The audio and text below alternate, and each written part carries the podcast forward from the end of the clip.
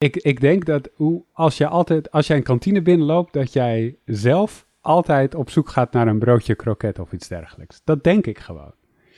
Dat het daardoor komt. Ja, ik ben, ik ben gered door eh, COVID. Dus uh, ik ben al een jaar lang niet meer Je loopt daar nooit meer binnen. nee, precies. Ik zit al een jaar lang gewoon, gewoon uh, lekker in de keuken. Maak ik gewoon lekker mijn uh, volkoren boterhammen. Ik liep ook al jaren geen kantines meer in, moet ik eerlijk zeggen. Want ik was het, ik werkte ook gewoon op een kantoor, Lisbeth, net, net als jij mm -hmm. nu een dagje mm -hmm. doet. En daar was gewoon een kantine met catering en alles. Ja. Um, en, en daar waren en, en goede opties en minder goede opties, waren er allebei. Mm -hmm. Alleen, ik merkte toch ontzettend dat mijn ogen altijd weer gingen naar de minder goede opties, want ik had trek. Ik weet niet, ben, ben ik altijd een beetje zwakker of zo als ik trek heb? Zo werkt yeah, dat gewoon. Yeah. Um, dus wat ik, wat ik uh, ging doen, was er zat ook een, een, een, een winkel in de buurt. Niet een supermarkt, maar een winkel met, met voedsel. Ging ik daar alvast mijn lunch halen, gewoon op een eerder moment. Mhm. Mm -hmm. En dan zocht ik gewoon volkorenbrood uit en, en, en beleg, hummus of andere dingen, wat, uh, wat, wat, ik lekker vind en wat, uh, wat een beetje een betere optie is. Ja. En dan nam ik dat mee en dat legde ik dan alvast klaar. En dan Heel verstandig. hoefde ik niet naar de kantine, ja. ja dus zo heb ik de kantine ja. ontlopen. Maar... Ja, ja. Nou, dat is toevallig een van de drie praktische tips die ik ga geven. Zo'n soort voorbereiding treffen. Oh, wauw. Ja. ja. Ja, zo werkt dat ook wel, denk ik. Ja. Zal ik hem aftrappen, Bart?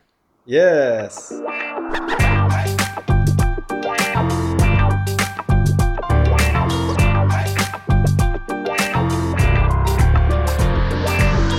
Hey, welkom bij een nieuwe aflevering van een podcast over voeding. En als je een nieuwe luisteraar bent, in deze podcastserie gaan we in op de actualiteit.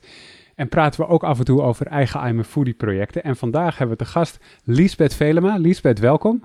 Goedemorgen, welkom. Bedankt, ja. en natuurlijk is Bart Molder ook gewoon bij. Hoi Bart. Hoi, hoi, goeiedag. En uh, Liesbeth werkt bij het uh, voedingscentrum, is helemaal into de gezondere schoolkantines en bedrijfsrestaurants. Maar uh, gaat dat eigenlijk wel lukken? En wat zijn de gewenste uitkomsten? En hoe zit het hier nu eigenlijk mee in coronatijd? Dat gaan we natuurlijk allemaal vragen. En hopelijk weet je na het luisteren van deze show hoe je op een positieve manier wordt beïnvloed om gezondere keuzes te maken in de schoolkantine of in het bedrijfsrestaurant. Um, en Bart, heb je nog iets te vertellen vanuit I'm Foodie? Want nieuwe vrienden van de show, zo kort na de vorige opname, die zijn er waarschijnlijk niet. En je wilt er niet over liegen, weet ik. Maar heb je een ander leuk iets wat je, wat je nog wil noemen? Ja, zeker. Um, we zijn ook al een beetje bezig met het uh, post-COVID uh, tijdperk. En we hadden het idee opgevat om deze shows die we nu eigenlijk al een uh, aantal maanden remote opnemen, om dat ook gewoon een keer live te gaan doen. Ergens op een locatie X, op, en, in een restaurant of een café of ergens, om gewoon een keer te gaan doen. Dus dat li lijkt ons zelf gewoon heel erg leuk om gewoon een keer een podcast show die we nu doen, dat we daar ja, dat samen doen met gasten, dat die erbij kunnen zijn. Dus mocht je denken, hey, dat, dat lijkt me leuk, kan je vast even op een lijst zetten. Ik zal de link in de show notes zetten. En dan, uh, ja, verdere informatie zullen we TCT wel gaan verspreiden op social en op via een nieuwsbrief update. Dus nou, dat wou ik even delen. En ja, mocht je dit ook een leuke show vinden, kan je naar vriendvandeshow.nl slash POV, POV, kan je een donatie achterlaten als je het leuk vindt. En dan kunnen we deze hele leuke show blijven maken. Helemaal goed. En uh, nou ja, hopelijk als het, uh, als het weer, als coronatijd voorbij is, dan kunnen we een hoop mensen ontvangen en dan met z'n allen een, uh, een, een, live show opnemen. Lijkt me heel leuk. Ja. Um, maar deze corona-show, als we het nog zo mogen noemen, beginnen we uiteraard met, met het vaste onderdeel, namelijk Lisbeth. Wat is je grootste voedingsfrustratie van de afgelopen tijd? Nou, ik heb er eigenlijk twee. Uh, van afgelopen tijd. Eentje is echt heel recent. Uh, het is uh, nu net het paasweekend geweest. En wat ik wel heel erg jammer vond, was dat er zoveel vlees in de aanbieding was. dat is, heeft ook in het nieuws nu staat, staat het. Um, ja, dat, dat vind ik zelf wel heel jammer. En dat is natuurlijk een hele sterke marketingstrategie um, om het in de aanbieding te doen. Uh, maar dat communiceert ook een norm. Dat we het allemaal maar normaal vinden dat er zoveel vlees uh, is. En dat we dat dan allemaal zo goedkoop moeten krijgen en eten. Um, waar ik eigenlijk hoop dat de norm wordt uh, dat we het normaal vinden om maar een beetje vlees, gewoon af en toe vlees te eten. qua eetomgeving dan vind ik dat dus een, een hele jammere. En een andere is, wat ook recent in het nieuws was, is dat er steeds meer ijswinkels komen. Ehm, in het straatbeeld. Nou, dat is op zich voor de eetomgeving ook niet heel, echt heel erg tof. maar wat daar dan het positieve van is om hem om te draaien, is het feit dat je daar een best wel kleine portie kunt nemen. Ehm, je kan één bolletje nemen. En dat is eigenlijk nog best wel heel oké. Ehm, dus als je dan toch uh, een, jezelf trakteert op een ijsje, dan kan je daar gewoon kiezen voor een kleine portie. En dat is iets wat in heel veel andere eetomgevingen is die portiegrootte toch ook wel een, uh, een groot probleem. Um, de porties zijn heel groot en je eet het toch helemaal op. En met, een, met een ijsje kan je dat dus nog best wel beperken. Dus dat vind ik wel weer heel positief. Oké, dus zo'n grote frustratie is dat misschien dan ook weer niet. Ik wil nog wel even terugkomen op het eerste trouwens. Uh, het vlees in de aanbieding. Uh, hoe zou dat volgend jaar Pasen beter moeten dan? Wat moet er dan in het aanbiedingenschap liggen om er een gezellig paasfeest van te maken? Of met kerst al, want met kerst heb je denk ik ongeveer hetzelfde beeld. Ja, wat mij betreft natuurlijk veel meer uh, vegetarische, dus, dus plantaardige opties en, en ook duurzamere dingen. Um, ja, dus dat het normaler wordt om uh, ja, gegrilde groenten en hummus, uh, et cetera, brood te doen bijvoorbeeld in, bij de paasbrunch. Um, dus daar is ook nog wel voor de, ja, voor de industrie een weg te gaan om nog meer van dat soort producten te ontwikkelen. Bijvoorbeeld hummus heeft nu wel vaak ook heel veel zout. Um, dus dat zou, dat, dat zou wel een aanvulling zijn als er meer gezonde, duurzame opties qua broodbeleg komen. Ja, plantaardig dan bijvoorbeeld het liefst. Ja, had jij eh, een grote paasbrunchbad met uh, allemaal vleesdingen? Ik denk het niet, hè? Uh, nee, nee. Ik had wel toevallig uh, een, een paasbrunch, hoe moet het zeggen, een verrassingspakket gehad van mijn ouders. Dus dat was wel heel erg leuk, spontaan en lekker. Het was dus een, een brunch, dus eigenlijk ook geen vlees en dat soort dingen. maar wat ik wel jammer vond, is dat het aanbod eigenlijk allemaal gewoon geen volkoren producten bevat. Oh.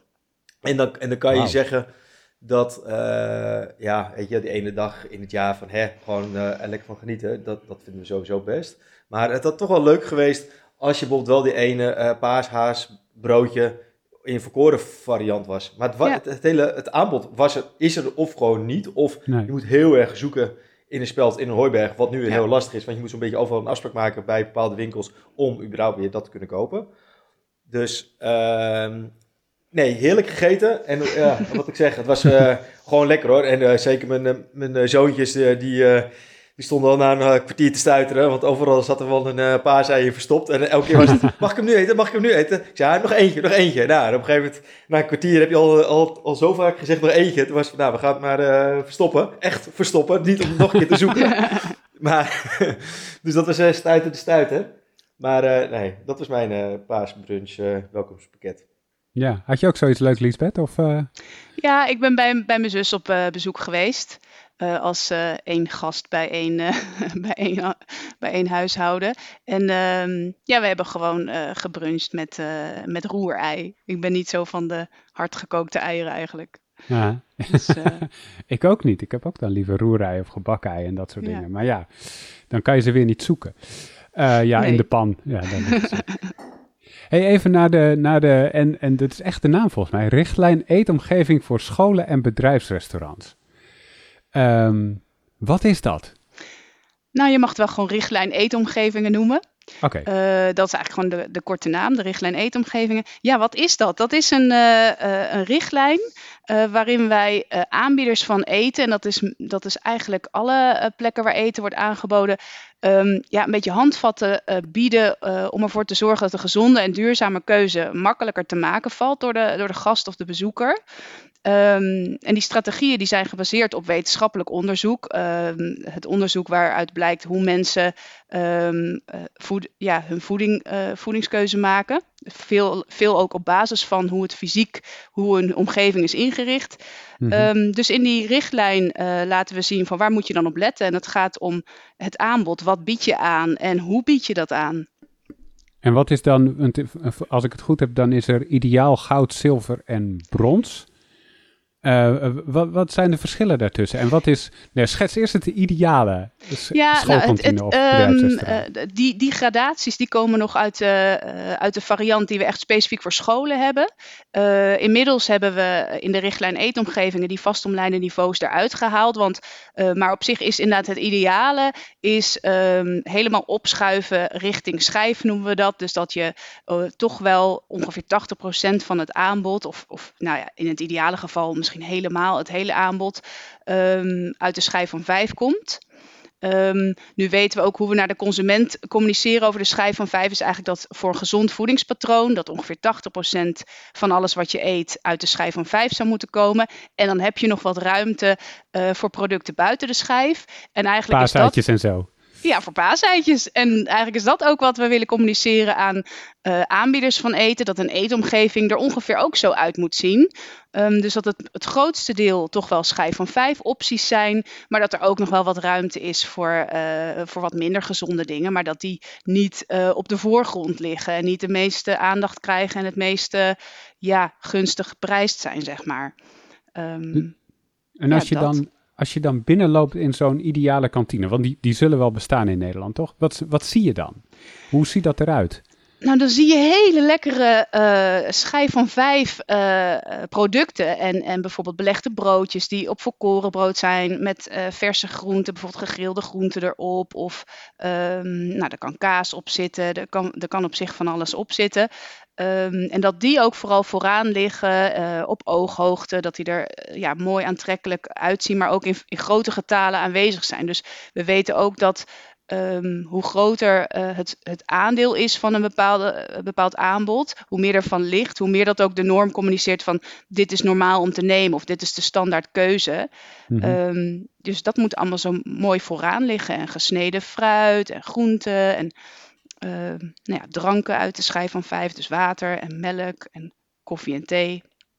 Maar nog even een vraag over die, uh, school, die, die schoolkantine. Is het zo dat er dan een verschil wordt gemaakt tussen een schoolkantine op een middelbare school versus het hoger onderwijs en wetenschappelijk onderwijs? Want uh, als ik even terugdenk aan mijn eigen middelbare schoolperiode, klink ik nu heel oud, maar in ieder geval toen was in de pauze om 11 uur volgens mij, of om 1 uur, dan ging dus zeg maar de eethoek open. En dan kon je gewoon voor een gulden kon je drie koeken kopen. Ja. Dus ja, dat was gewoon structureel, hup, een, een gulden. Je kreeg drie koeken en dat was je, dat ja. was je, ja. je ontbijt. Althans, ik had uiteraard brood mee, maar die ging uh, met een mooie boog in uh, de vuilnisbak. is dat dan nu helemaal veranderd? Zijn de, is de gemiddelde middelbare school uh, echt een enorm bedrijfsrestaurantachtig ding geworden? Moet ik dat erbij voorstellen? Nee, op zich zijn die schoolkantines uh, nog wel vergelijkbaar, uh, vergelijkbaar met uit onze tijd, zou ik maar even zeggen. Dus dat is toch voornamelijk wel inderdaad een, een balie met, met een bepaald aanbod wat daar verkocht wordt. En bedrijfsrestaurants zijn wel veel groter, met veel meer verse producten en gewoon een breder assortiment en eilandjes en saladebars en zo. Um, nee, dus die, kan, die schoolkantines zien er nog wel een beetje hetzelfde uit qua, um, ja, um, met een, met een balie. Maar het idee is dat je uh, die drie koeken voor een euro, dat dat dus uh, uh, stukken beter is geworden. Dat er echt aantrekkelijk, aantrekkelijk belegde broodjes zijn en dat die drie koeken voor een euro niet meer, het liefst er niet meer zijn. Of in ieder geval minder varianten en ook niet drie, die prijs optie van 3 voor een euro. Dat moet er gewoon 3 voor 5 euro worden, zodat, uh, wel, zodat Bart ze niet had kunnen ja, betalen. Ja, precies. En wat, wat lastig is daarin, is dat je wel ziet dat leerlingen nu uh, veel meer dan, dan vroeger, denk ik, nog meer naar, uh, naar buiten gaan en naar de supermarkt om de hoek. En dat daar nog wel kunnen krijgen. Of bij een andere, uh, bij een Turks bakkertje of bij een kebabzaak. En dat is ook wel waar we met, uh, uh, nou ja, met het programma Eetomgevingen, waar ik dan met mijn team naar kijk, dat we proberen om ook um, het aanbod rondom scholen dan gezonder te krijgen. Ja, ja. ja Bart? Ja, hoe, hoe, hoe, hoe, moet ik het, het voorstellen dan? Dan hebben jullie de richtlijn opgesteld en dan brengen jullie dat proactief onder de aandacht bij de schoolbesturen van die middelbare scholen of HBO's, et cetera, dat mm -hmm. zelf gaan implementeren? Of hebben jullie ook een hele implementatieteam die dat jullie dat samen gaan doen? Of hoe werkt dat? Ja, we hebben voor um, nou, we hebben de richtlijn eetomgeving en daar is een, uh, een speciale variant is voor de scholen en de rest van de eetomgevingen uh, werkt gewoon eigenlijk met de, richt, met de algemene richtlijn eetomgevingen. En het is zo dat we specifiek voor die scholen, daar hebben wij een hele, uh, ons hele team adviseurs eetomgevingen, die gaan echt, die zijn ervoor om ervoor te zorgen dat die scholen werken aan hun gezonde schoolkantine. Um, dus ja, die, die uh, worden echt uh, uh, actief benaderd om daaraan, um, daarmee aan de slag te gaan. En het is zo dat we eigenlijk alle andere eetomgevingen waar we ook op werken, dus dat zijn bedrijfsrestaurants, ook bijvoorbeeld die van, van de overheid zelf, van alle ministeries, maar ook de zorg, de ziekenhuizen, onderweg, dus dat zijn tankstations, de NS, dat we al dat soort settings, dagattractieparken ook, de sportsetting, um, dat wij hen uh, uh, ook helpen met de richtlijn eetomgeving en om die te implementeren. Dus daar hebben we online allerlei tools voor en, uh, en hulp vanuit ons. En bij de maar scholen waarom, is dat het meest intensief. Waarom zouden ze dat? Waarom zouden ze meewerken? Want er zit een risico aan vast, toch? Als je een tankstation bent of, of een sportkantine en je hebt niet wat mensen verwachten, namelijk broodjes, bal en, en weet ik wel wat. Ja. Uh, dan heb je toch kans dat je omzet terugloopt, lijkt. Ja, ja, nou dat is ook wel de grootste uh, ja, knelpunt voor veel van die aanbieders. Is dat ze toch de meeste winstmarge maken op die ongezondere producten. En dan komen wij uh, met ons advies, uh, doe het gezonder. Zeggen ze, ja, daar gaat mijn omzet wel van achteruit. En dat, eh, ja, dat, dat begrijpen wij ook. Nu is het gelukkig wel zo dat veel eh, partijen merken dat er eh, ja, in de maatschappij toch een verandering is. dat er meer wordt gevraagd om gezonder aanbod. Zelfs ook bij dagattractieparken. Dat er toch echt een heel aantal bezoekers zeggen van ja, ik wil tenminste dat er iets gezonds te kiezen valt hier. ook al ben ik hier maar misschien één keer per jaar um, ja, in, een, in een attractiepark. Um, en dan merk je dat die aanbieders daar toch ook op, op uh, mee willen varen op die vraag uit de markt. Uh, ze willen ook laten zien dat ze een soort maatschappelijke betrokkenheid tonen. Um, dus dat is wel heel fijn, dat daar toch wel men vindt dat ze daar ook een verantwoordelijkheid in hebben om dat aanbod gezonder en duurzamer te maken en het voor die gast ook mogelijk te maken om daarvoor te kiezen. Ja, maar voor de duidelijkheid, die richtlijn is alleen maar een richtlijn. Het is geen wet of zo. Hè? Het is, dus... geen wet, dus is geen wet en regelgeving dat het verplicht is voor aanbieders om het uh, op een bepaalde manier of een bepaald level van gezondheid en duurzaamheid te hebben. Nee, zeker niet. Nee. Zou dat moeten?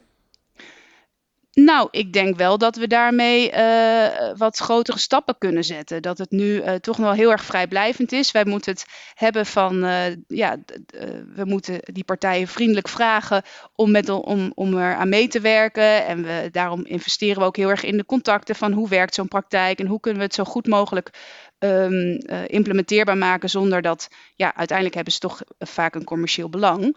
Um, Maar ja, als iets uh, bij de, door, de, door wet en regelgeving is afgedwongen, dan is dat, maakt dat het wel veel makkelijker, ja. En zou je ons uh, eens mee uh, kunnen nemen naar een bedrijfsrestaurant, hoe dat zeg maar dan um, een aantal jaar geleden was en hoe dat dan nu is of misschien gaat worden naar aanleiding van de interventies ja, die jij hebt, hebt, hebt onderzocht? Ja, um, nou een aantal jaar geleden, uh, kijk, ik heb daar dus onderzoek naar gedaan, ook als uh, tijdens mijn tijd bij de Vrije Universiteit. Heb ik onderzoek gedaan naar uh, wat kan een bedrijfsrestaurant nou doen om die gezonde en duurzame keuze makkelijker te maken. Werken die strategieën uh, die in de wetenschap bewezen effectief zijn, werken die ook allemaal tegelijk om iemand gezonder te laten kiezen? Nou, dat doet het dus deels. En in die tijd heb ik natuurlijk heel veel met cateraars gesproken. En wat je toen hoorde, maar goed, dan spreek ik over um, uh, mijn onderzoek heb ik gedaan in 2016. Dus de jaren daarvoor hoorde je dat er toch nog wel werkgevers waren die zeiden van nou ja, het moet gewoon uh, goedkoop zijn. Dat er iets, en er moet iets te eten liggen. Um, en vooral die witte boterham met kaas en een kroket. Dat moet echt voor bij wijze van spreken een dubbeltje te koop zijn. Uh, ze vonden het ook heel lastig om daar zich tegenaan te bemoeien, want dan bevind je je toch wel heel erg in de privésfeer van je medewerker. Dus uh, werkgevers vinden het makkelijker om te zeggen, nou we bieden een fitnessprogramma aan om mijn medewerker gezonder te maken. Maar oeh, iets over dat eten zeggen, dat vonden ze allemaal heel, heel uh, spannend. Um, nou ja, en, en ze wilden er ook niet zoveel geld aan uitgeven. Ehm, en gelukkig de afgelopen jaren zie je daar toch een enorme kentering in. Dat werkgevers het veel uh, belangrijker vinden om, uh, um, om de medewerkers ook van een gezond en duurzaam voedingsaanbod te voorzien. Ze willen daar ook wel wat meer uh, geld aan uitgeven. Want dat hoor je heel vaak dat de cateraar zegt: ja, wij kunnen het allemaal maken, allemaal leveren. Um, maar die verse, gezonde uh, maaltijden, die zijn altijd duurder. En dan maak je echt minder marge op als cateraar. Dus daar moet toch ook echt die werkgever wel wat in bijdragen. En dat gebeurt gelukkig ook steeds meer. Dus dat is wel heel mooi om te zien. En dat er steeds minder werkgevers zeggen van nou, die, die witte boterham moet er heel goedkoop zijn. Dat ze ook wel snappen dat dat uh, um, niet heel uh, wenselijk is. Ja, en hoe, uh, hoe is het dan veranderd? Bij zo'n bedrijf die zo'n verandering heeft willen maken, hoe, hoe is de kantine veranderd nu ten opzichte van een aantal jaar geleden, dus, uh, dus voor 2016 zeg maar? Nou, je ziet bij veel uh, bedrijfsrestaurants dat het aanbod dus gezonder is geworden in het algemeen. Er zijn veel meer, worden toch eerder salades aangeboden en uh, volkorenbroodjes. En ja, in mijn onderzoek deed ik dan ook wat strategieën dat er bijvoorbeeld niet elke dag meer frituursnacks aanwezig waren, maar, maar op een aantal dagen van de week. En dat, wat wel grappig is, is dat je daar ziet dat sommige cateraars zeiden van, nou, dat ging zo makkelijk. Uh, we stoppen helemaal met die frituursnacks. Want vaak hoor je dat, um, zijn ze gewoon heel erg bang voor uh, klachten bij verandering. Kijk, als je iets verandert aan je assortiment, dan heb je altijd wel een paar mensen die het opvalt en zeggen van hé, hey, waar is mijn kroket en uh, waar slaat dit op? Maar um, eigenlijk omdat ze aan mijn onderzoek toen mee moesten doen en de twaalf weken lang gewoon mijn strategieën moesten uitvoeren, uh, moesten ze daar doorheen en merkten ze eigenlijk allemaal dat na twee weken er bijna geen klachten meer waren. En um, dat was wel heel grappig om te merken. En dat hoorde je van heel veel cateraars. Oh, wat fijn dat we mee konden doen. Want nu weten we dat dat eigenlijk maar twee weken zijn er een paar mensen die er wat van zeggen. Uh, maar het gros van de mensen uh, vindt het allemaal prima. En nou, toen hebben sommigen ervoor gekozen om die frituur helemaal weg te halen. Terwijl dat niet eens in, en ook niet in onze richtlijn eetomgevingen die we, die we nu hebben, een, uh, een must is hoor. Dat je dat helemaal um, weghaalt. Het is ook een beetje um, een, een uh, belangrijk om bijvoorbeeld kleine stapjes te nemen. Uh, om, je hoeft niet helemaal in één keer heel radicaal uh, schijf van vijf en um, het zo radicaal En, en is, is zo'n uh, bedrijfsrestaurant, heeft dat ook een, een, bepaalde strategische opbouw waar bijvoorbeeld een, een, supermarkt onbekend staat? Want een supermarkt begint altijd met groente en fruit. Ja. Um, nou, aan de buitenkant, weet je wel, heb je natuurlijk allemaal zuivel, et cetera. En in de, de in de middenpaden heb je natuurlijk allemaal uh, ja, het, het, ongezonde werk, zeg maar, met name allemaal uh, snoep, weet ik het, en koek. Uh, zit er ook een bepaalde strategische opbouw dus in zo'n bedrijfsflow restaurant, hoe je ja, loopt? Want ja. mijn, mijn beleving, wat ik zeg, ik ben al, al lang niet geweest, begint het zo'n beetje eigenlijk altijd met de heerlijke dampen van junkfood en dingen. Mm -hmm. Dat je denkt, nou, daar gaan we weer, want om 12 uur half één, je hebt trek. Dan, dan staat het je aan dat je denkt, joh, ja, ik ben gelijk overtuigd. Ja. Wat kan je daarover zeggen? Nou ja, zeker. Die, die marketingstrategieën die komen echt veelal uit het supermarktwezen. En um, dat kun je natuurlijk ook, dat wordt ook in uh, bedrijfsrestaurants toegepast. En dat wordt eigenlijk dus ook toegepast in onze richtlijn eetomgeving. Dat zijn de presentatie- en verkoopstrategieën. Um, en dan is het vooral belangrijk dat je begint met hele aantrekkelijke, gezonde uh, lunchproducten. Dus een uh, hele mooie uh, salade of een belegd broodje, een, een of een bruin belegd broodje. Als je die vooraan legt, Um, en daar ook heel veel van neerlegt. Dus het lijkt ook de norm. En het liefst ook is dat het broodje van de dag. Is die wat goedkoper bijvoorbeeld. Dan is de kans heel groot dat iemand dat eerst neemt. En als je dan de frituur, de sausijzen broodjes bijvoorbeeld, pas helemaal achteraan legt. Ja, dan heb je dat broodje al op je dienblad. Dan gaan, gaan de meeste mensen niet uh, nog eens terug om, ja, om dat dan terug te leggen. Dat is COVID-wise al helemaal niet, uh, natuurlijk nu niet meer voor te stellen. Um, dat gebeurt dan niet zo, zo snel. Dus het is belangrijk dat je de gezonde, aantrekkelijke opties vooraan legt.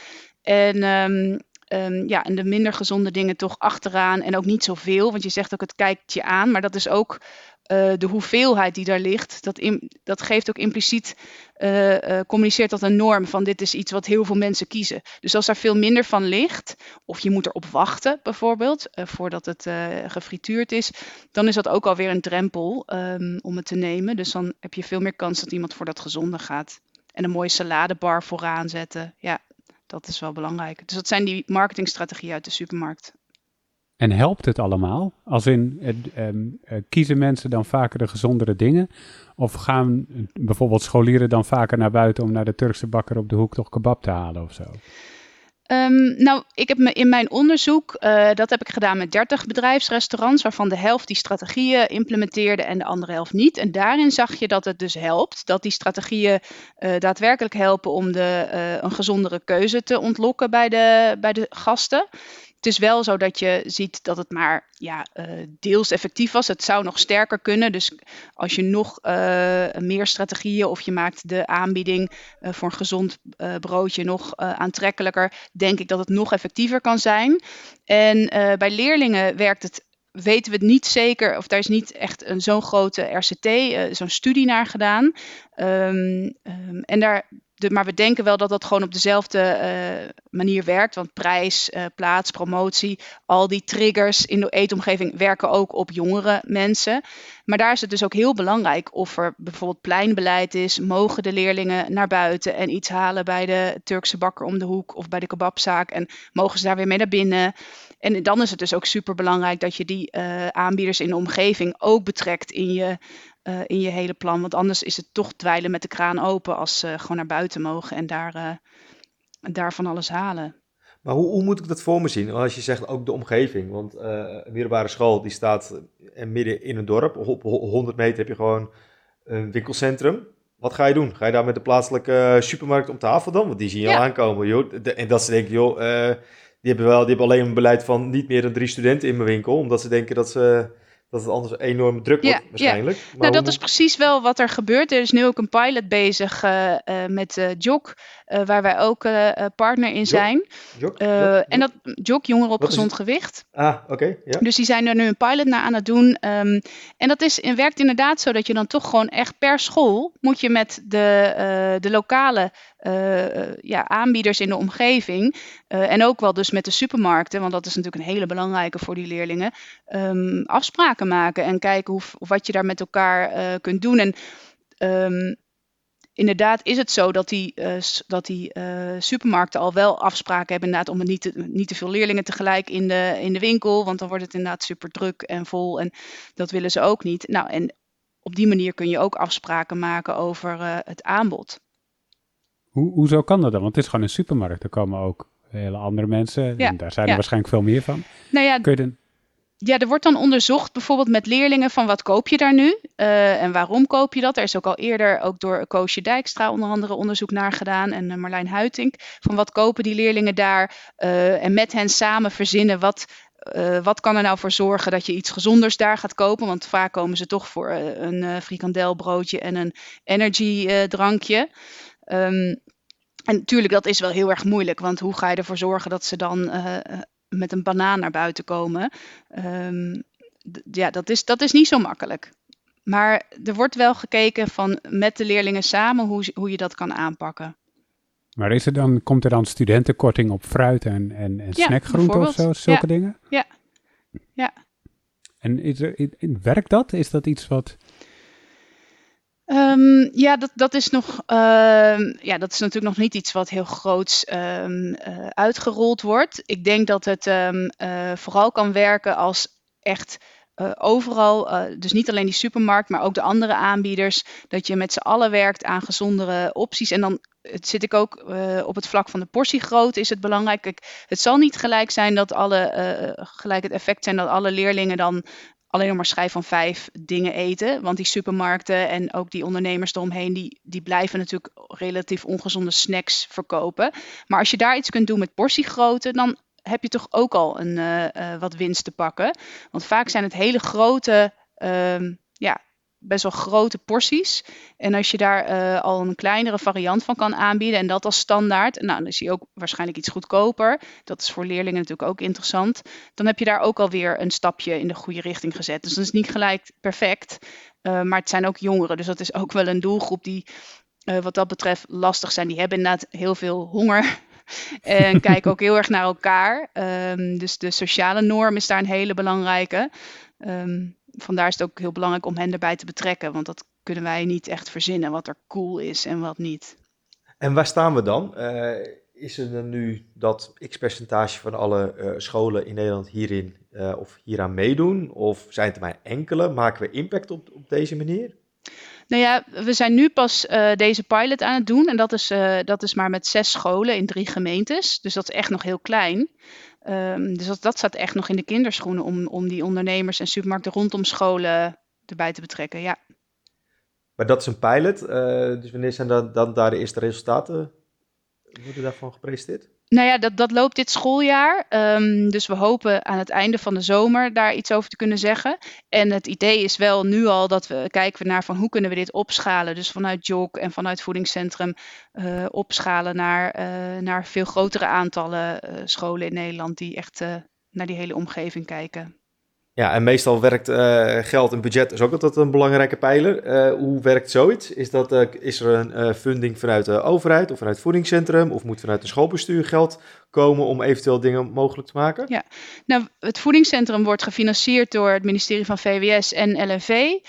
JOK wordt ook door VWS gefinancierd. Dus wij gaan ons best doen om VWS onder andere zover te krijgen om daar voor volgend jaar en de jaren daarna meer budget voor vrij te maken om daaraan te kunnen werken.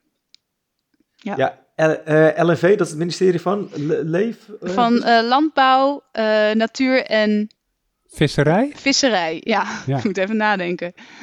maar voordat we het even de hele organogram van het voedingscentrum doornemen, maar is het zo dat jullie dan formeel twee opdrachtgevers hebben? Dat zijn dus die twee ministeries, die geven jullie de opdracht, ga, ga dit uitvoeren, want jullie zijn een uitvoeringsinstantie of... Hoe lopen die lijntjes dan ongeveer? Nou, we worden gefinancierd inderdaad door die twee uh, ministeries. En we zijn een uh, onafhankelijke stichting. Um, en onze, ja, onze taak is om um, de wetenschappelijke consensus of kennis over uh, wat gezond, duurzaam en veilig eten is en hoe de consument dat moet doen, dat te vertalen naar de consument. Dat is onze taak. En daarbij, um, dat is zeg maar de ene strategie, echt gericht op, op de consument, voorlichting met uh, allerhande tools en uitleg op onze website, dus echt kennisoverdracht. En de andere strategie is dat we dus op die eetomgevingen inzetten om ervoor te zorgen dat het aanbod gezonder en duurzamer wordt um, in alle eetomgevingen om ons heen. Um, dat, is onze, ja, dat is onze taak. En daarin worden we dus gefinancierd door die twee ministeries. Waarin we voor een deel krijgen een soort vaste instellingssubsidie. En een ander deel is dat wij dit soort ja, plannen schetsen. En bij hen presenteren en zeggen, nou dit vinden wij heel belangrijk om daar komend jaar um, uh, geld aan uit te geven. En dan um, is het aan hen om daar ook geld voor uh, te geven. En aan hen, dat zijn dus die twee ministeries. Die twee ministeries, en dat... is natuurlijk ook dan weer afhankelijk van, uh, van de politiek. Ja, want ik uh, had een paar weken geleden een show met Tessa Rozenboom. En die was ook weer een van de initiatiefnemers, of in ieder geval betrokken bij het project uh, Kansrijke Stad. Mm -hmm. En dat is ook van een paar jaar geleden is het opgestart. En dat ja. ging echt om enorme bedragen, iets van 40 miljoen volgens mij. En is, die dan, is dat weer parallel project aan jullie? Of is het uiteindelijk ook via het voedingscentrum gegaan dan? Dat jullie dan alles op het betrekking van voeding, die jullie daarin een rol spelen? Ja, wij zijn inderdaad daar de kennispartner voor wat betreft voeding. Ja, bij Kansrijke Start. Dus dat is, daar zijn wij uh, ja, bij betrokken inderdaad. Ja, oké. Had jij hier nog een vraag over, Arnoud? Want anders had ik nog even een vraag over die bedrijfscatering. Daar was ik wel ga, benieuwd. Ga, gerust lekker door, ja, nee, want ik was wel even benieuwd van eh, die bedrijfscatering. Uh, je hebt, uh, hoe, hoe, gaan de Albrons en de van Hutte, catering en ik zal er nog een paar ja. uh, vergeten. Uh, omarmen die dit amas? Of denken, joh, die of denken die van, joh, leuk, gezond. Ik wil gewoon eind van de maand uh, dikke winst draaien. Ehm, en dan wil ik niet meer zeggen dat je met gezonde voeding geen mm -hmm. dikke winst kan draaien. Mm -hmm. Maar in ieder geval, het, ja, er moet een omslag komen in gedrag, kennis, et cetera. Mm -hmm. Oftewel, waar staan we en ja. waar kunnen we heen? Ja. Nou, die bedrijfsketeraars die nou, verdienen wat mij betreft best wel lof uh, daarin, waarin, hoe ze erin staan. Want zij hebben zelf uh, in 2014 met elkaar, uh, dat zijn dan, dan de leden van Venica, van de branchevereniging, die hebben met elkaar gezegd, wij willen als cateraars iets kunnen bijdragen aan gezondheid van mensen. En wij willen onderzoeken of dat, hoe, dat dan moet, hoe dat dan zou moeten. En heeft het dan effect? Dus zij hebben geld vrijgemaakt voor mij als onderzoeker toen ik nog bij de VU zat om dat te kunnen onderzoeken.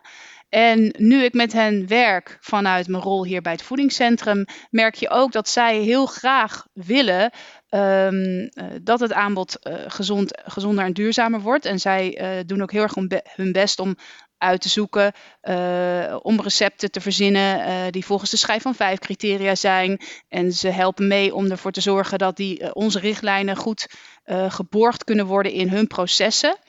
Um, dus dat doen ze, dat vind ik dat ze dat heel goed doen. En um, um, ze, ja, zij onderzoeken, zelf zijn ze natuurlijk aan de achterkant bezig om te bekijken hoe blijft dat nog een, een winstgevend verhaal. Um, en daarin vind ik het dus ook wel belangrijk dat werkgevers ook snappen dat, het, dat dat ook vanuit de werkgevers wat vraagt. dat je niet voor de, ja, dat dat duurder is uh, uiteindelijk dan hoe we vroeger uh, die witte boterham en kaas en een kroket uh, aanboden. Maar de cateraars zijn daar best wel uh, voor, ja, die lopen daar uh, wat mij betreft in voorop. En die vinden het ook niet erg als er bepaalde eisen worden gesteld aan een aanbod wat betreft gezondheid en duurzaamheid. Want dan is het ook voor iedereen eerlijk. Dan is het, uh, moet iedereen eraan voldoen als je een aanbesteding wil binnenhalen.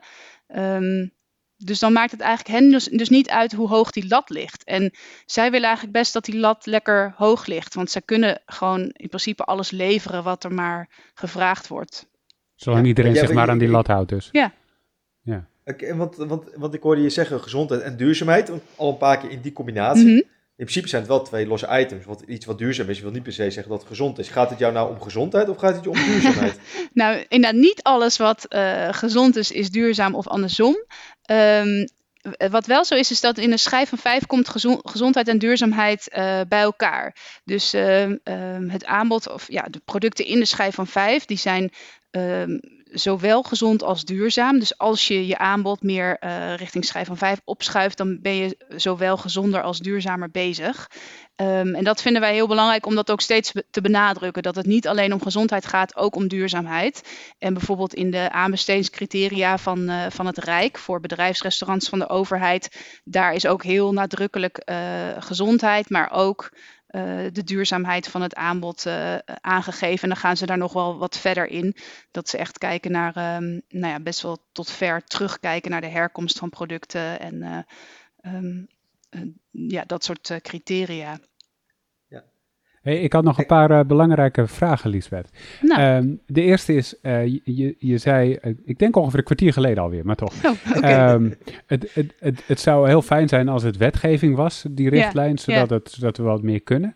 is daar gehoor voor in Politiek Den Haag? Is daar, is daar, hebben ze daar oren naar?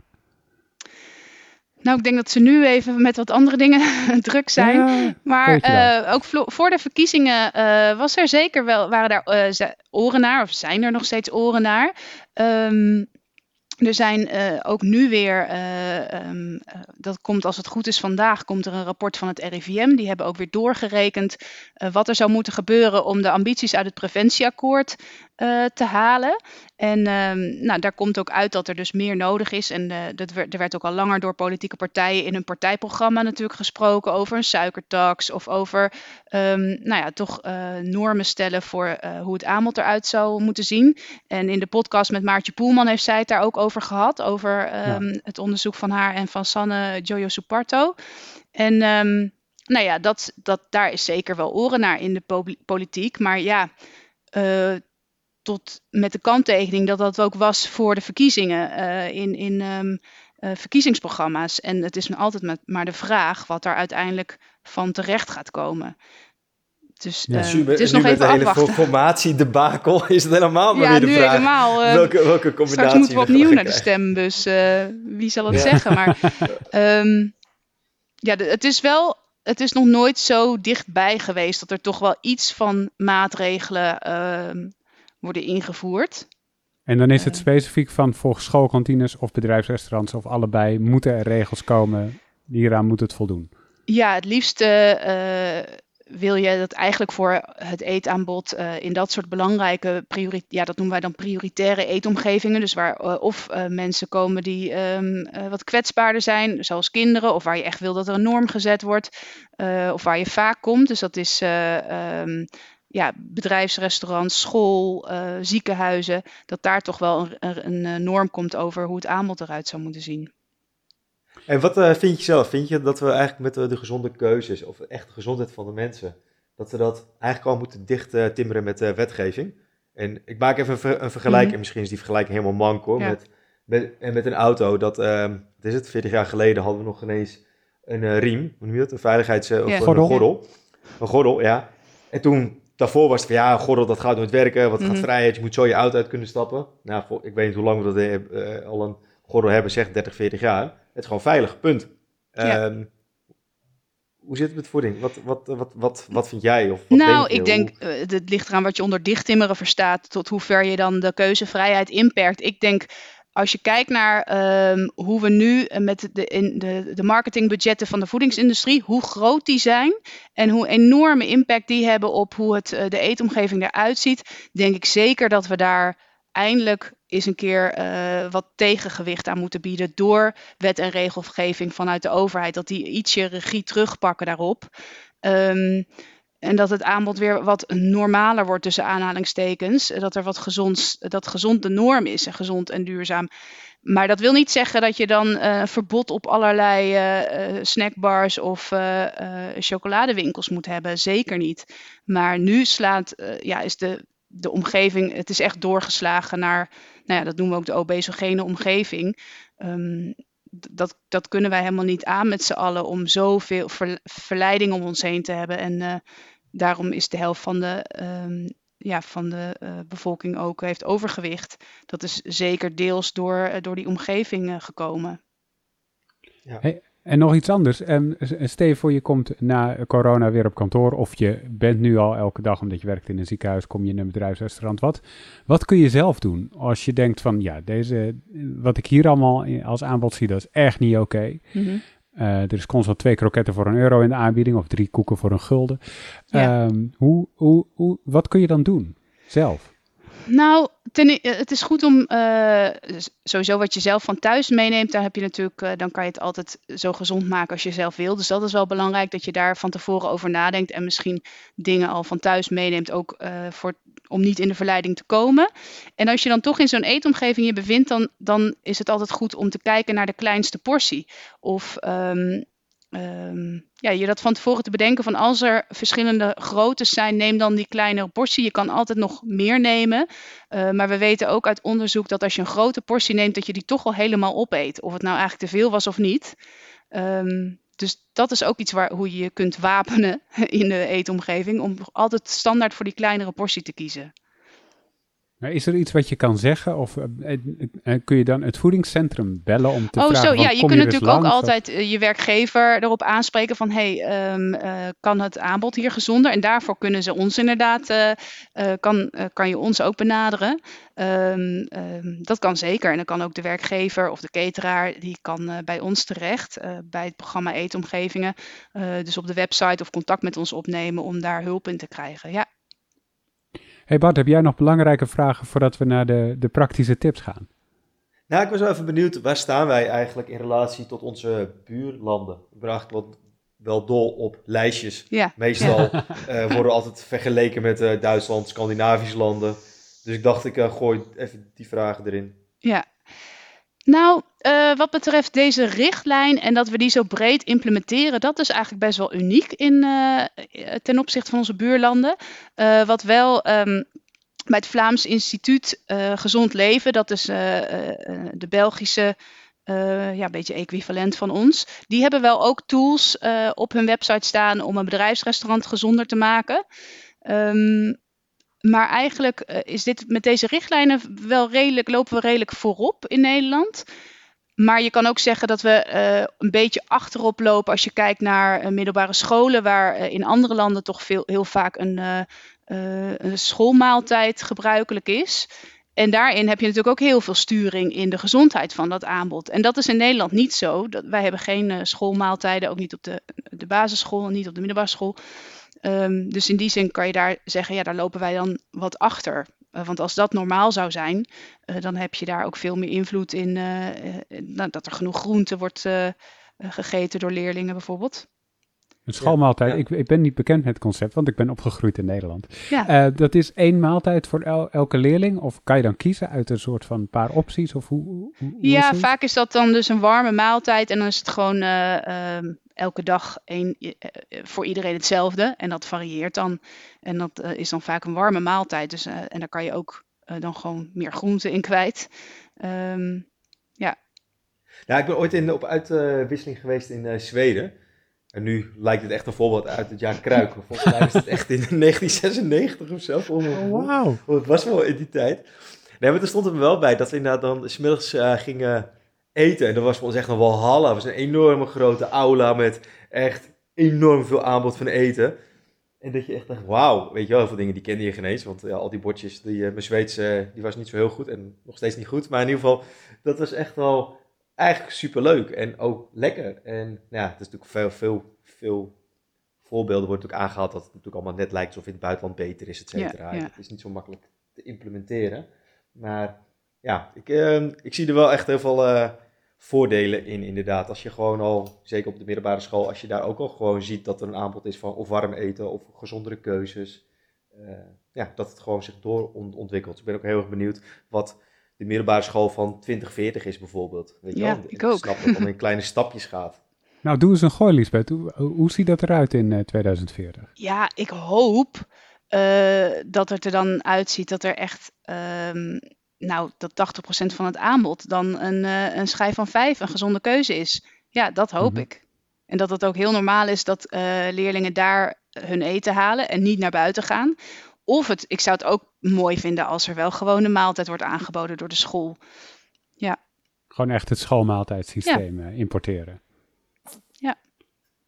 Hey, dan uh, tot slot, niet eens tot slot eigenlijk, maar heb je drie praktische tips voor, voor, voor luisteraars die, die ze mee kunnen nemen als ze terugdenken aan deze podcast? Ja, ja zeker. Um, de eerste gaat eigenlijk over de eetomgeving thuis. En um, nou, ik hoorde dat Lisbeth Smit ook al zeggen. En dat is een beetje een, misschien wel een, um, wel heel erg een inkopper. Maar haal het niet in huis. En je eigen eetomgeving thuis, die kun je gewoon zo gezond mogelijk inrichten. En dat scheelt gewoon als je iets niet in huis hebt, dan eet je het ook niet op. En meestal het moment dat je er zin in hebt, dat gaat ook wel weer voorbij. Dus dat is eigenlijk mijn eerste tip voor de eetomgeving thuis. En wat betreft de eetomgeving buitenshuis, om je daar tegen te wapenen. Dat is dus van bedenk van tevoren, voordat je de deur uitgaat, van um, uh, nou, zal ik, neem iets mee, neem iets gezonds mee voor als je, uh, of neem een lunch mee of, wat dan ook. Um, en bedenk ook van tevoren van als je dan iets neemt, ga dan voor die kleine portie. Um, je kunt altijd meer bestellen, maar een grotere portie eet je dus toch wel helemaal op. Dus ga voor die kleine portie dan. En de derde is eigenlijk dat je ook je moet realiseren dat je invloed hebt op de eetomgeving van anderen. En um, dat je bijvoorbeeld als je trakteert op je werk, uh, spreek met elkaar af dat je tegelijkertijd trakteert met een paar collega's. Dan is er niet elke dag iets, maar dan uh, zijn er een paar jarigen en dan wordt er, uh, kan je daar iets uit kiezen, zeg maar. En op die manier heb je ook wel invloed zelf op de eetomgeving. En je kunt dus ook inderdaad je werkgever erop aanspreken en naar ons doorverwijzen. um, ja, wees je daar ook op bewust van, dat je zelf ook een, een schakel bent in het geheel. Check. En tot slot, wie zouden, we, wie zouden nog meer in de podcast moeten uitnodigen komende tijd? Wie raad je aan? Nou, ik had het net heel even met Bart erover dat uh, inderdaad uh, Gerda Veunekes misschien interessant is als je meer wil weten over hoe, dat, uh, hoe de relatie is tot, tot het voedingscentrum en hoe wij werken en worden aangestuurd. Want die is directeur van het voedingscentrum, ja, toch? dat is de directeur. Verder zou ik Marije Sevens, dat is ook een collega, zou ik wel aanraden. Zij is expert op, wat gebied, op het gebied van duurzaamheid. Uh, dus als je dus meer wil weten over hoe die duurzaamheid uh, in de schijf van 5 zit, waar het ook even over ging, is dat misschien een leuke. En ehm, nou, we horen ook al veel over Nutri-Score, uh, wat eraan zit te komen. En um, dat zou misschien leuk zijn om daar uh, Lisbeth Temme of Jolien Beulens over te interviewen. Over um, nou ja, hoe Nederland daar nu in staat en hoe we ervoor gaan zorgen dat dat aansluit bij de richtlijnen schijf van 5. Um, nou, ik kan me voorstellen dat dat ook wel interessant is om daar meer over te horen. Want Nutri-Score Nog eventjes over die... Uh, ja? Sorry, uh, wat zei je? Ja, Nutri-Score, dat is die, dat stoplichtsysteem toch ja. voor producten, rood, ja. oranje, groen en zo? Ja, A, B, C, D, E, ja. A, B, C, D, E, ja. Wat wou je zeggen, Bart? Ja, die gaan we zeker vragen hoor, uh, Arnoud. Ja, ja, Ik heb er echt, echt al zin in. Ik heb er ook al in verdiept. ik vind het echt een heerlijk onderwerp die ik eigenlijk van alle kanten wil gaan, uh, wil gaan uh, belichten. En toevallig zag ik ook alweer een aantal producten die dat label hebben. Toen dacht ik, ah heerlijk, dit wordt weer zo lekker onduidelijk voor de consument. Ja. Och, jeetje. Dat ik denk van, ah... Genoeg vragen over te stellen dus. Misschien is dit wel een perfect onderwerp om een live show te doen. Dan nodigen we ook gewoon de voedingsmiddelen fabrikanten, branchevereniging uit. En dat wordt wel een hele, spannende show. Dat wordt gezellig, ja. ja. Hey, uh, uh, helemaal tot slot dan, uh, waar kunnen mensen meer vinden over de richtlijn en, en, en jouw werk? Nou, ze kunnen kijken op voedingscentrum.nl slash eetomgeving. Mhm. En dan kom je op onze webpagina waar uh, alles staat over voor verschillende eetomgevingen. En de richtlijn eetomgevingen staat daar. Ook een checklist. Daarmee kun je zelf uh, je aanbod in kaart brengen en zien hoe je kunt opschuiven richting uh, de schijf van 5. En um, je kunt ons ook mailen op um, eetomgeving.voedingscentrum.nl. Um, dus dat is een hele belangrijke. Helemaal goed. Bart, zijn er nog dingen vanuit I'm a Foodie die je onder de aandacht wil brengen? Ja, het is eigenlijk een beetje het, uh, het stukje verkopen. Gewoon ongegeneerd je eigen product aan de man brengen. dus uh, ja, nee, ik val een beetje in herhaling, denk ik. Dat, uh, check gewoon eigenlijk de website imafoodie.nl slash winkel. En het boek is net uit, staan. toch? Als dit live komt te staan, dan is ons nieuwste boek Intuïtief Eten uit, inderdaad. Dat is een, ehm, een vertaling van uh, twee collega-diëtisten uit Amerika. Dat is eigenlijk al, het originele boek komt uit 1995. En dat uh, ja, is eigenlijk een revolutionair anti-dieetmethode. Dus het is beslist geen dieetboek. Maar uh, het gaat er juist in van, als je dat leest, kom je eigenlijk gewoon weer helemaal terug bij jezelf. Dat je gewoon luistert naar je honger- en verzadigingsgevoel. En dat sluit eigenlijk ook aan wat uh, Lisbeth aangeeft. Van, de kleinere porties, ja. Precies. En als je bijvoorbeeld ja, een met name gewoon een groot bord hebt en dat ligt vol, dan denk je van oké, hij moet op. Terwijl als je gewoon denkt, hm, ik zit gewoon vol, ik, eh, ik heb gewoon geen trek, kan je zeggen het is zonde om weg te gooien. Maar ja, het is eigenlijk ook een beetje zonde om het allemaal op eh, te eten. Met dat je gewoon te veel eet en dat je alsnog denkt, hm, ik heb weer, uh, dat je, heb je weer een slecht gevoel omdat je weer te veel hebt gegeten. In ieder geval, ehm, dat boek is inmiddels uit. Kun je gewoon kopen via de boekhandel en bij ons in de shop. Yes. Ehm, ja, en kijk anders even in de show notes. Die zal ik wel vol plempen met heel veel uh, linkjes. om mensen te verleiden. En je kan natuurlijk vriend van de show worden. Helemaal goed. Heb jij nog iets in de verkoop, uh, Arnoud? Helemaal niks. Uh, wat, ik, wat ik wel heb, is dat ik jullie wil bedanken voor deze podcast. Ja, trouwens, ik wil nog één laatste toevoeging als het nog mag. Jou Misschien hoor. als de luisteraar nog een tip heeft voor gasten. Dat kan, kan natuurlijk ook. Want wij vragen altijd ja. onze huidige gasten voor suggesties voor nieuwe gasten. Maar misschien als de luisteraar dat je denkt van hey, dit is ook een hele goede, goede, goed, goede gast. Laat het zeker weten. Dat kan gewoon naar bart.imafoodie.nl of naar info. Komt eigenlijk allemaal aan. Uh, dat wil ik nog even zeggen, Arnoud. Helemaal goed. Tot volgende keer. Doei doei. Okay. Dankjewel, Lisbeth. Doei. Hoi. Hoi.